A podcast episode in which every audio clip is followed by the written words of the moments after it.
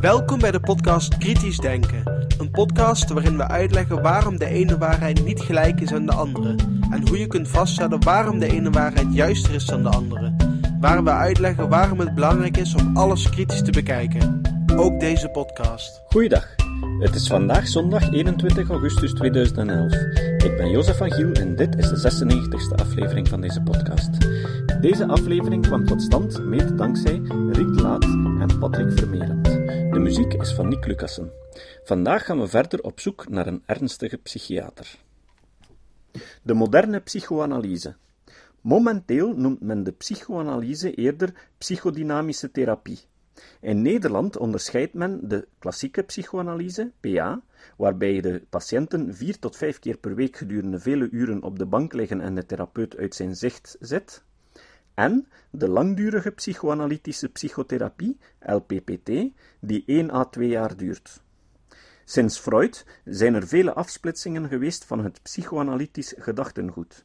Jung was een van de eerste om zich tegen bepaalde inzichten te keren. Tal van tussen aanhalingstekens scholen, waaronder de Lacanianen een van de beruchtste zijn, hebben voor een aanpassing van de oorspronkelijke begrippen en concepten geleid. De geschiedenis van de psychoanalyse is er een van tal van controversen. Volgens Gabbert in 2004 hebben talrijke elkaar bestrijdende psychoanalytische scholen wel nog enkele gemeenschappelijke uitgangspunten. Deze zijn: veel van het psychische leven is onbewust. Ervaringen uit de kindertijd, tezamen met aanleg, vormen de volwassene. De overdracht van de patiënt op de therapeut is een primaire bron van inzicht. De tegenoverdracht van de therapeut geeft waardevol inzicht in wat de patiënt bij anderen oproept. De weerstand van de patiënt in het therapeutisch proces is een belangrijk aandachtspunt in de therapie. Symptomen en gedragingen dienen meervoudige doelen en worden bepaald door complexe en vaak onbewuste krachten. Een psychodynamische therapeut ondersteunt de patiënt bij het bereiken van een beleving van authenticiteit en uniekheid. De psychoanalyse is al vele jaren bekritiseerd, inclusief zwartboeken, zoals Le Livre Noir de la Psychoanalyse, Vivre, penser et aller mieux sans Freud, met bijdragen van onder meer Jacques van Rillard, Didier Pleu, Jean Cotreau, Mikkel Borg-Jacobson en hoofdredactrice Catherine Mayer. Een van de eersten om een serieuze steen in de poel te werpen was Hans Eysenck in 1952. Hij toonde aan dat de studies die tot dan toe de werkzaamheid van psychoanalyse leken te bevestigen, gebrekkig waren opgevat. Hij stelde vast dat twee derden van de neurotische patiënten twee jaar na de eerste manifestatie van de symptomen spontaan waren verbeterd, ook zonder psychotherapie. Tot op heden is het een feit dat er geen onderzoeken met controlegroepen bestaan over psychoanalyse als therapie. Psychoanalytici bedienen zich altijd van het bedenkelijke argument dat het niet ethisch is om mensen niet te helpen of met een placebotherapie te behandelen. Men gaat daarbij voorbij dat men de controlegroep niet onbehandeld hoeft te laten. Men kan de werkzaamheid al vergelijken met bewezen werkzame methodes zoals antidepressiva. Terwijl de hele medische sector het werken met dubbelblind gerandomiseerd controleonderzoek als de gouden standaard bestempelt, is volgens hun redenering dus de hele medische onderneming onethisch. Nu kan een therapeut natuurlijk niet blind behandelen, maar mensen indelen in groepen die niet worden behandeld en mensen die wel worden behandeld is perfect mogelijk. Zo toont de cognitieve gedragstherapie aan tot nog toe de enige tussen aanhalingstekens school van therapie die zich wel degelijk systematisch onderwerpt aan RCT's, tussen haakjes Randomized Controlled Trials. Bovendien gaat men dus voorbij aan het feit dat op dit moment men de controlegroep niet onbehandeld hoeft te laten.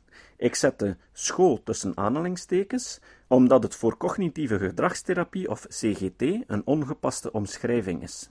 Het is immers geen, tussen aanhalingstekens, standaard manier van behandelen waarin operante conditionering en bekrachtiging steeds zouden centraal staan, zoals critici die duidelijk geen kennis hebben van de vele protocollen beweren.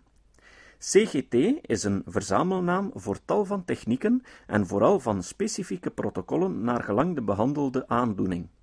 CGT-technieken voegen meer toe aan de zogenaamde effecten die ontstaan op basis van de therapeutische alliantie, dankzij oordeelsvrij luisteren, empathie en autonomieverlening, dan om het even welke andere therapie.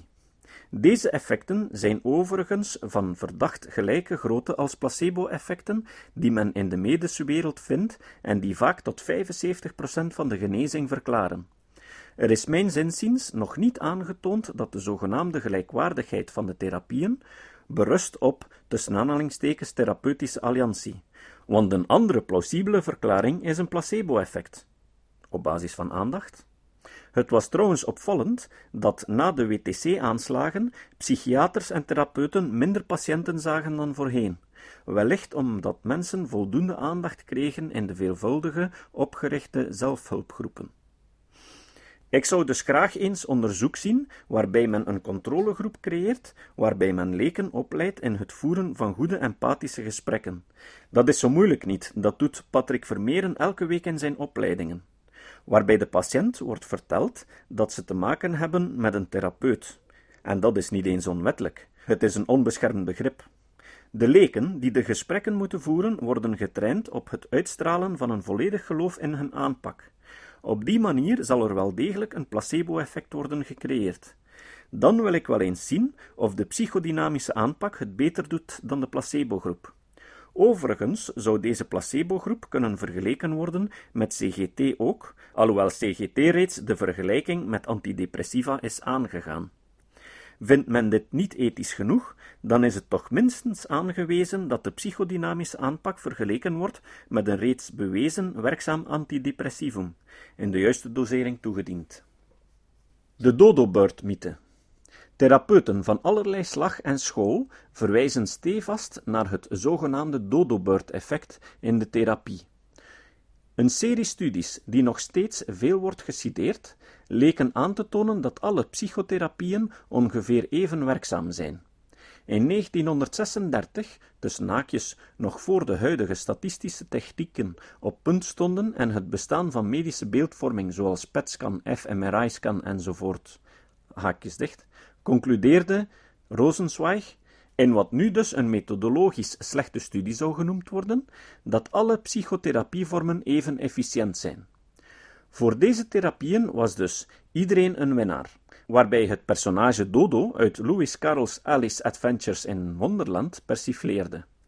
Dodo was een vogel die in een loopwedstrijd tactvol declareerde dat iedereen een winnaar was, nadat alle deelnemers aan de loopwedstrijd in alle richtingen waren vertrokken en er geen enkele meting was gebeurd hoe lang en hoe ver de deelnemers hadden gelopen.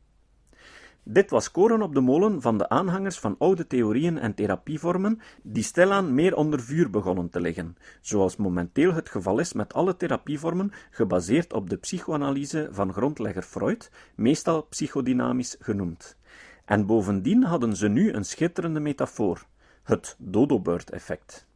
Enkele zogenaamde meta-analyses die dit dodo-bird-effect zogenaamd bevestigen, passeerden vervolgens de revue. Bij latere analyse echter bleken deze meta-analyses vaak ernstige fouten te bevatten. 1. Men beoordeelde categorieën van psychotherapievormen, waarbij sommige in verkeerde categorieën werden ingedeeld. Zo werd de cognitieve therapie bijvoorbeeld ondergebracht in de categorie psychodynamische interventies, dus waardoor deze als groep werkzaam leken, dus ook de echte psychodynamische. 2. Men vergeleek de ene vorm van cognitieve gedragstherapie met een andere vorm van cognitieve gedragstherapie. Dan stelde men vast dat deze ongeveer even werkzaam waren en trok men dan conclusies naar andere niet vergeleken therapievormen. En drie, men maakte manifeste berekeningsfouten, enzovoort, enzovoort, enzovoort. Na rechtzetting van deze methodologische en rekenfouten lieten deze meta-analyses juist zien dat de therapievorm wel degelijk toedeed. Ook nieuwe meta-analyses toonden alsmaar meer aan dat de gepaste therapie voor de juiste aandoening er wel degelijk toe doet en dat therapeutische evenwaardigheid, dodo-effect, dodo-bird verdict, een mythe is. Om het nog erger te maken, bij de eerdere meta-analyses werden twee fundamentele fouten gemaakt. 1. Geen controlegroep. Er werd geen gebruik gemaakt van zogenaamde EST's, Empirically Supported Treatment, of empirisch bewezen behandelmethoden. Om te kunnen vergelijken met de hoge eisen op het gebied van bewijskracht die in de medische wereld gelden, dient men gebruik te maken van zogenaamde RCT's, Randomized Control Trials, waarbij de patiënten worden ingedeeld in een behandelde groep en een placebo-groep, onbehandelde groep of groep met een ander werkzaam medicijn. De patiënten worden willekeurig ingedeeld en weten zelf niet, single blind, in welke groep ze zitten. Een aantal tussen aanhalingstekens bona fide therapieën onderwerpen zich zelfs niet aan EST-onderzoek of RCT's om vervolgens kritiek te geven op de therapievormen die dit wel doen. Nogmaals, omdat werken met een controlegroep met mensen die niet worden behandeld niet ethisch zou zijn. 2. Alle aandoeningen werden op één hoop gegooid, ook aandoeningen die moeilijk behandelbaar waren. Er werd zogezegd gekeken naar effecten voor behandelingen van zowel depressie, angststoornissen, obsessief-compulsief gedrag, schizofrenie samen. Uiteraard moet men net als in alle andere takken van de medische wereld aandoening per aandoening bekijken en dan de behandelvorm evalueren. Het zou toch te gek zijn de effectiviteit van een medicijn te evalueren op basis van de gezamenlijke effecten op twintig aandoeningen, terwijl het maar voor één aandoening ontwikkeld werd. Vaak, vooral in Franse publicaties, waar Lacans denken en psychoanalyse nog ongemeen populair zijn, ziet men nu nog verwijzingen naar deze oude meta-analyses die methodologisch rammelden en concludeert men doorgaans dat de verbetering van de aandoeningen doorgaans het gevolg is van spontaan herstel, tussen haakjes 40%, in combinatie met gemeenschappelijke effecten van alle psychotherapievormen tussen naakjes 30%, wat sommigen doet besluiten dat het de psychotherapeut is die het verschil maakt, een positieve verwachting, tussen naakjes 15%, en tussen aanhalingstekens slechts 15% voor de specifieke methode. Inderdaad is er een grote hoeveelheid onderzoek over de waarde van een goede therapeutische relatie en de algemene bevindingen zijn dat dokters die een warme, vriendelijke en geruststellende houding aannemen, meer effectief zijn dan diegenen die hun consultaties formeel houden en geen geruststelling bieden. Alternatieve therapeuten gaan echter verder. Ze misleiden, ze doen geheimzinnig en ze verblinden hun patiënten met wetenschappelijk klinkende uitleg. Ze manipuleren de verwachtingen van mensen. Ze maken gebruik van het feit dat iedereen gevoelig is voor placebo-effecten. Placebo-effect of echte behandeling. Dat men dus tot zulke cijfers komt zonder met controlegroepen te werken is erg problematisch. Te meer daar mensen niet alleen spontaan kunnen herstellen, maar er ook de mogelijkheid bestaat dat de mensen een placebo-effect ervaren. 30% is geen groot placebo-effect, Hoewel men het er nog niet over eens is of placebo-effect wel degelijk bestaan en ze niet worden verward met spontaan herstel, worden toch regelmatig placebo-effecten van 30 tot 75 procent gerapporteerd. Het placebo-effect is een zeer complex en interessant gegeven dat veel verder gaat dan simpelweg een suikerpil nemen. Het is de hele beleving van de manier waarop je behandeld werd, de verwachtingen die je had op voorhand, het consultatieproces enzovoort. Dat maakt dat mensen zich beter voelen. Men weet ondertussen dat twee suikerpillen betere resultaten opleveren dan één suikerpil, en dat zoutwaterinjecties veel beter werken dan suikerpillen voor het verminderen van pijn, omdat een injectie een ingrijpender interventie is. Zelfs de grootte en de kleur van de pillen doet ertoe en ook de verpakking. Mensen voelen zich minder angstig wanneer ze bijvoorbeeld een groene tablet innamen. Fabrikanten weten maar al te goed dat het verpakking ertoe doet. Stimulerende middelen worden stevast geleverd in een rode, oranje of gele tabletten, terwijl antidepressiva en kalmeringsmiddelen momenteel blauwgroen of purper zijn. Wanneer het merk op een doosje staat, dan heeft dit een groter effect bijvoorbeeld voor pijnstilling, dan wanneer de pillen in witte neutrale doosjes worden afgeleverd. Ook als het middel duurder is, wordt het effectiever beoordeeld. Meer nog, het placebo-effect werkt zowel bij dieren als bij kinderen. Tussen naakjes Goldtaker in 2008 en Simon Singh en Ernst Ernst in 2008. Voor medicijnen geldt trouwens dat men significant beter moet presteren dan een placebo-effect. En bovendien, wanneer er al een werkzaam medicijn bestaat, vindt men het in de medische wereld onethisch een placebo toe te passen. Een nieuw medicijn moet dan worden vergeleken met een reeds bewezen werkzaam medicijn, zodat beide patiëntengroepen toch worden behandeld. Het is ook belangrijk relaties niet om te keren. Een verbetering na toediening van een placebo hoeft niet noodzakelijk veroorzaakt te zijn door dit placebo. De verbetering kan te wijten zijn aan toevallige verbetering, een verwachting door een inspanning, een regressie naar het gemiddelde, maar ook, en vaker voorkomend, een normaal natuurlijk verloop dat leidt tot een spontaan herstel. Enkel in het geval dat er een echte verbetering is die duidelijk verband houdt met het toegediende placebo, spreekt men van een placebo-effect. Uit correspondentie met professor Lilienfeld concludeer ik het volgende. Psychologen zijn het er niet over eens wat men tot een placebo mag rekenen. Mag men hoop, motivatie, inspanning enzovoort rekenen tot het placebo-effect? Ik vind van wel, omdat dit ook in andere takken van de medische wetenschap tot het placebo-effect worden gerekend. Vele psychotherapeuten en ook wetenschappelijke publicaties vinden dit dus werkzame, niet specifieke therapeutische effecten waarmee ze iets eenvoudiger gezegd bedoelen dat het niet uitmaakt welke therapieschool je volgt, als deze ingrediënten maar deel uitmaken van de therapie. Wat is nog het verschil met een goed empathisch gesprek waarin hoop, motivatie, inspanning enzovoort ook aan bod komen? Van een therapeut mag je toch verwachten dat deze jou iets meer biedt dan wat een communicatievaardig familielid of vriend vermag. Die 30% die men nu toeschrijft aan de therapeut, ongeacht de behandelwijze, zou dus wel eens louter een placebo-effect, een gevolg van regressie naar het gemiddelde of het spontaan herstel, dat nu wordt onderschat en wel eens eerder 70% zou kunnen bedragen.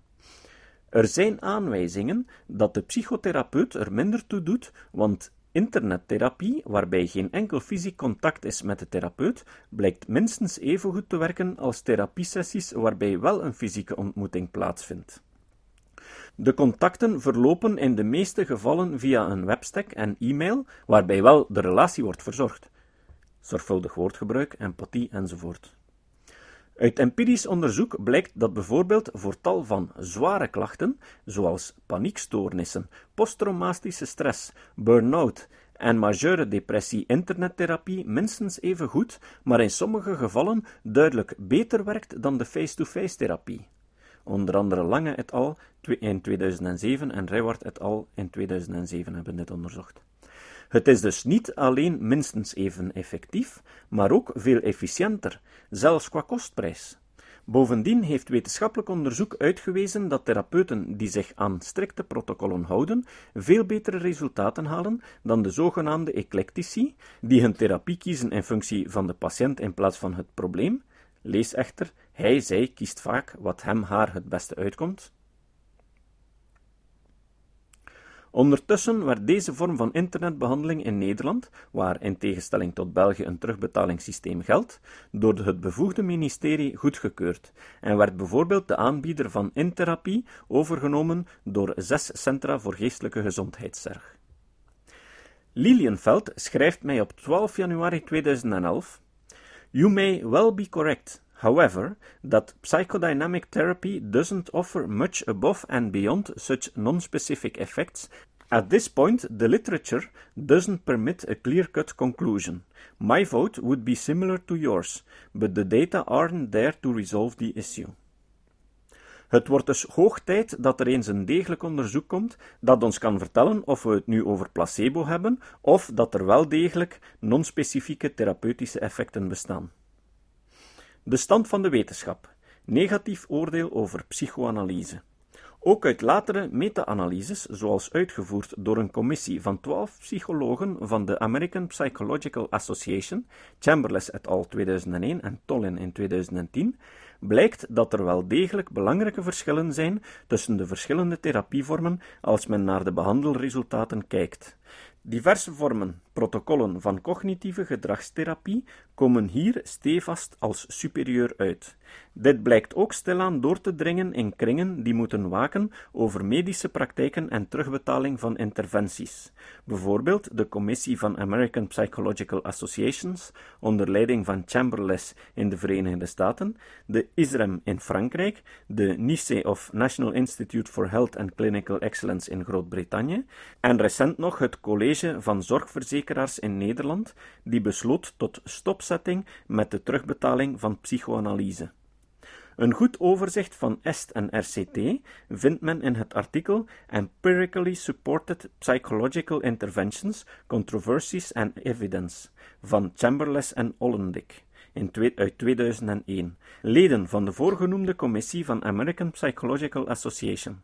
Tal van landen, gaande van de USA, Canada, Engeland en Nederland, tussen haakjes de Nederlandse Gezondheidsraad, concludeerde in 2001 al dat langdurige psychotherapie, waaronder psychoanalyse, tussen aanhalingstekens, onvoldoende onderzocht is om conclusies ten aanzien van de doelmatigheid te kunnen trekken.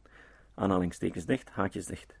Besloten dus, al op basis van wetenschappelijk onderzoek, dat psychoanalyse geen bewezen behandeling is voor psychische problemen en schrapten daarom de terugbetaling. In het rapport van het College van Zorgverzekeraars staat te lezen: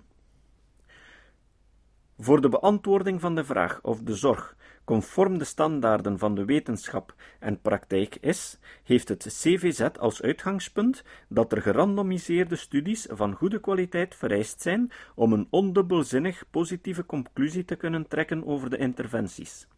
Als deze studies er niet zijn, kan op basis van studies met een lager niveau van bewijskracht een positieve beoordeling volgen. In dat geval moet echter wel deugdelijk beargumenteerd worden waarom er geen gerandomiseerde studies zijn en ook niet vereist kunnen worden. Voor de effectiviteit van PA hebben de onderzoekers dus geen studies kunnen vinden die aan de kwaliteitscriteria van evidence-based medicine voldoen. Psychoanalyse voldoet niet aan de stand van wetenschap en praktijk, omdat er onvoldoende kwalitatief adequate studies over de effectiviteit in de praktijk te vinden zijn.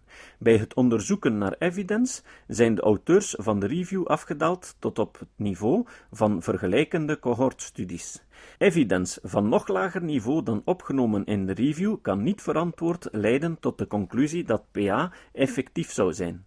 Met andere woorden, niet gevonden werd bewijsmateriaal dat bij de individuele behandeling voldoende patiënten beter af zijn met psychoanalyse dan zonder. Einde citaat. De onderzoekers bestonden uit een multidisciplinair team, bestaande uit professor A. Arnst, psychologie, professor R. van Dijk, psychiatrie, professor M. Huibers, psychologie en epidemiologie, professor J. Ionanidis, epidemiologie, en Dr. A. Smith, epidemiologie. Zij stellen dat psychoanalyse enkel maar zou kunnen ernstig genomen worden indien RCT's worden uitgevoerd die evidence-based zijn. Ze doen tal van nuttige aanbevelingen voor toekomstig onderzoek. Last but not least, in hun aanbevelingen stellen zij 1 dat genezingseffecten moeten gemeden worden door onafhankelijke mensen en met betrouwbare en valide instrumenten, en dat 2 kosteneffectiviteit ook moet in acht genomen worden gelet op de hoge kostprijs van psychodynamische interventies, waarvan het aantal sessies kan oplopen tot 4 à 5 per week en gemiddeld 40 sessies in beslag nemen. Ik was dan ook bijzonder benieuwd toen een nieuw artikel verscheen door Driesen et al. in 2010 in de Clinical Psychology Review dat plots kwam aandraven met de stelling dat kortdurende psychodynamische psychotherapie, STPP, of Short-Term Psychodynamic Therapy, wel degelijk zou werken voor depressie. Nu ik enige jaren getraind ben in het lezen van data, ik volg het advies van Goldacre dat men vooral naar de data moet kijken, want dat de conclusies van de onderzoekers achteraan het artikel vaak niet beter zijn dan de gissingen die men in de kranten neerpent.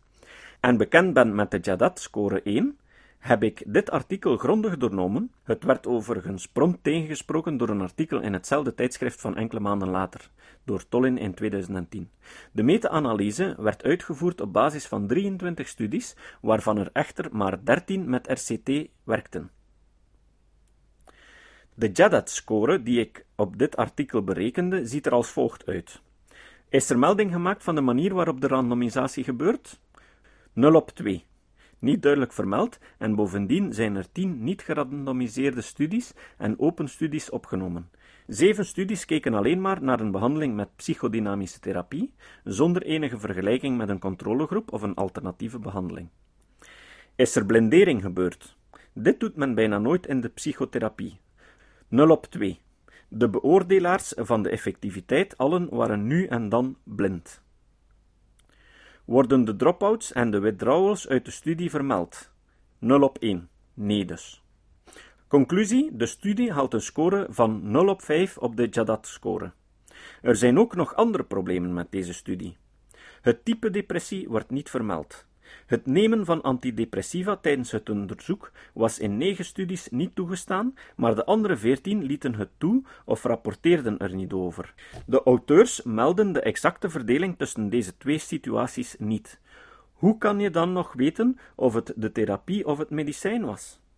Slechts 16 studies vergeleken enkel STPP met een niet behandelde groep, een wachtlijst, terwijl er toch kan vergeleken worden met antidepressiva, zoals CBT-studies regelmatig doen, of met CBT. Een studie die 10 patiënten omvatte, werd ook al aanvaard.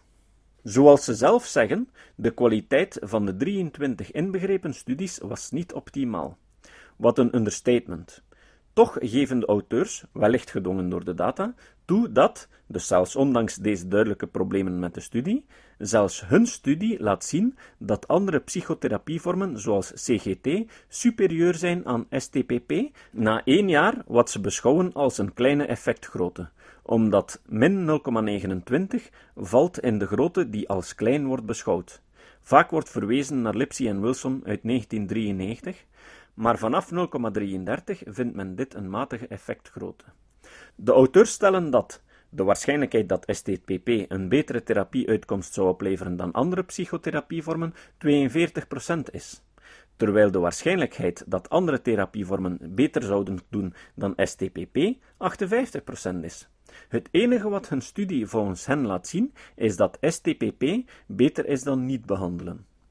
Slechts zes maanden later toont David Tollin, in hetzelfde tijdschrift dus, aan dat hij wel degelijk studies kan vinden die hoog scoren op de Jadat-score. Hij vindt er 26 die CBT vergelijken met andere therapievormen, allen RCT's en ook met gerandomiseerde controlecondities. CBT bleek duidelijk effectiever dan psychodynamische en andere therapieën, behalve interpersoonlijke en ondersteunende therapieën. Het verschil in effectgrootte bedroeg 0,5 na 6 maanden en 0,55 na 12 maanden ten voordele van CBT in vergelijking met psychodynamisch en dit zowel voor depressie als voor angststoornissen. Ook hoogleraar Scott O. Lilienfeld schrijft al enkele jaren vergeefs wetenschappelijke artikelen over de vele onwetenschappelijke mythes in de psychologie. In het boek Fifty Great Myths of Popular Psychology, dat hij samen met Stephen J. Lynn John Roscoe en Barry L. Beierstein schreef, verwijst hij onder meer naar het vele onderzoek dat aantoont dat het graven in zijn emotionele voorgeschiedenis niets bijdraagt aan het verbeteren van de psychische toestand, bladzijde 238. Dat psychodynamische behandelingen beter zijn dan geen behandeling is dus niet bewezen. En, zoals gezegd, een goed gesprek helpt ook. Dit zagen we bijvoorbeeld ook na 9-11 in New York. Ook Lilienfeld en collega's verwijzen naar recente meta-analyses of besprekingen ervan, die onderzoek verrichten naar de effectiviteit van therapievormen bij volwassenen. En naar studies bij kinderen en adolescenten. Telkens komt CGT uit als de meest effectieve voor tal van psychologische problemen zoals angst, depressie, dwangstoornissen, liegen, stelen, agressie, terwijl zij op het hier en nu focust.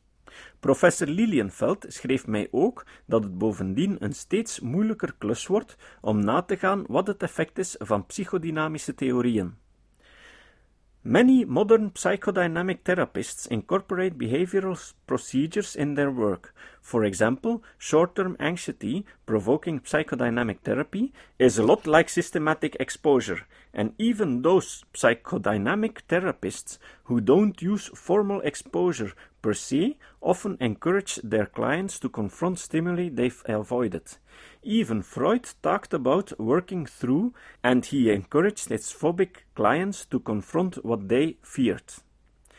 So, distinguishing psychodynamic therapies from at least some behavioral and cognitive behavioral therapies, although generally quite straightforward, is probably not always extremely easy in practice. At least in the US, fewer and fewer therapists are still practicing orthodox psychoanalysis. They are still out there, be sure, especially in cities like New York, Boston and San Francisco, but they will becoming rarer in the next generation. Persoonlijk vind ik het bijzonder onethisch en zelfs misdadig wanneer men een patiënt niet terdege informeert dat een bepaalde therapie, bijvoorbeeld CBT, een grotere kans heeft op herstel. De onderverdeling in tussen scholen, tussen haakjes, van aanhangers of van gelovigen, in een betere term in mijn ogen, in de psychiatrie en klinische psychologie is een ware schande. Feiten zouden moeten tellen en een informed consent is dringend nodig. Het citaat. Het citaat van vandaag is van David Brooks. In zijn boek The Necessity of Atheism zei David Brooks: Het onbekende uitleggen met het bekende is een logische procedure. Het bekende uitleggen met het onbekende is een vorm van theologische waanzin. Tot de volgende keer. Dit was de podcast Kritisch Denken. Vergeet niet om alles kritisch te behandelen, ook deze podcast. Voor verdere informatie over deze podcast, links en voor de tekst, surf naar www.kritischdenken.info. Als je deze podcast belangrijk vindt, kun je me steunen door anderen warm te maken ook eens te luisteren. Stuur een e-mail naar vrienden met een link naar de website en plaats de link in de handtekening van je e-mails. Tevens kun je op iTunes deze podcast een beoordeling geven of een recensie schrijven.